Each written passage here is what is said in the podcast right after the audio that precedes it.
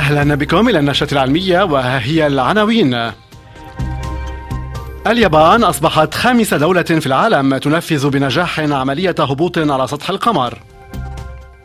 قرش ميغالودون كان أصغر حجما مما تصور العلماء سابقا.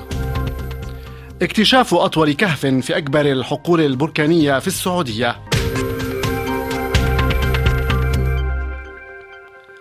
بعد مرور أكثر من خمسين عاما على الخطوات الأولى للإنسان على سطح القمر ذلك الإنجاز الذي حققه الأمريكيون في العام 1969 تجدد تسابق الدول إلى القمر على غرار ما حصل الصيف الماضي مع الصين والهند اللتين قامتا بأول هبوط على سطح القمر. ولكن في أحدث المستجدات بشأن المهمات القمرية التي كان أيضا للاتحاد السوفيتي مجد فيها في السابق نجحت اليابان السبت الفائت في أن تصبح خامس دولة في العالم تهبط على سطح القمر. إن المركبة الذكية اليابانية سليم الملقبة بقناص القمر Moon Sniper والتي رست على بعد 100 متر من هدفها الأساسي حطت في حفرة صغيرة لا يتعدى قطرها 300 متر وهي تسمى حفرة شيولي. بعد أقل من ثلاث ساعات من هبوطه التاريخي انقطعت الكهرباء عن المسبار سليم الذي استطاع تسليم بيانات فنية وصور تم الحصول عليها أثناء الهبوط وحالما وصل إلى سطح القمر. بسبب مواجهة المسبار سليم مشكلة في ألواحه الشمسية التي تعذر العمل فيها. إن وكالة الفضاء اليابانية جاكسا ومن أجل توفير الكهرباء اضطرت إلى إيقاف إمدادات الطاقة القادمة من بطاريات المسبار على أن يعاد تشغيلها ريثما تضرب أشعة الشمس القمر من جهة الغرب. فيصل نور الشمس إلى الألواح الشمسية التي هي باتجاه الغرب.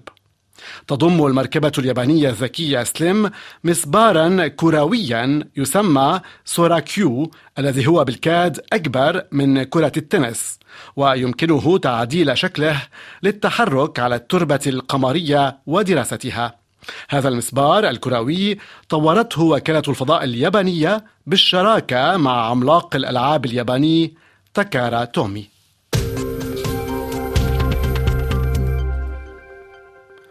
منذ سنوات طويلة خلت قدر علماء الأحياء القديمة أن طول قرش أوتودوس ميغالودون الذي انقرض قبل ثلاثة مليون وستمائة ألف سنة كان يراوح بين 15 مترا وعشرين مترا.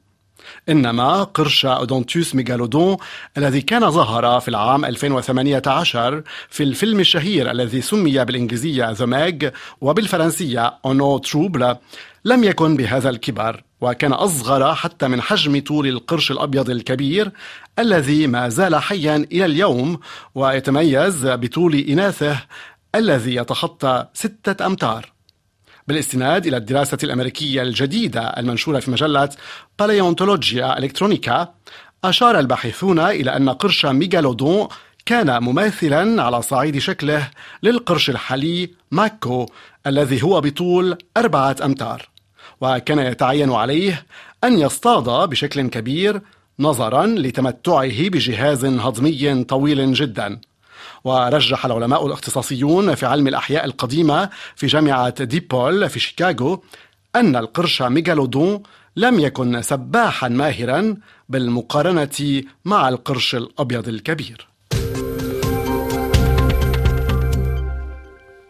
شمال شرق المدينة المنورة وفي أكبر الحقول البركانية في السعودية عثر فريق جيولوجي من هيئة المساحة الجيولوجية السعودية على أطول كهف في البلاد في منطقة تسمى حرة خيبر. يمتد طول هذا الكهف على خمسة كيلومترات تقريبا وهو مكون من البازالت أي الصخر البركاني.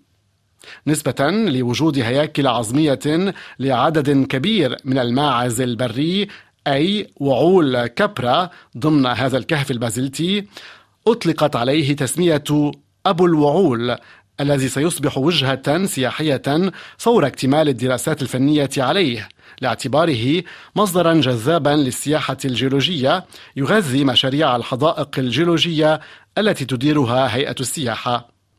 بهذا الخبر تنتهي النشرة العلمية فشكرا لكل من استمع إليها وإلى اللقاء.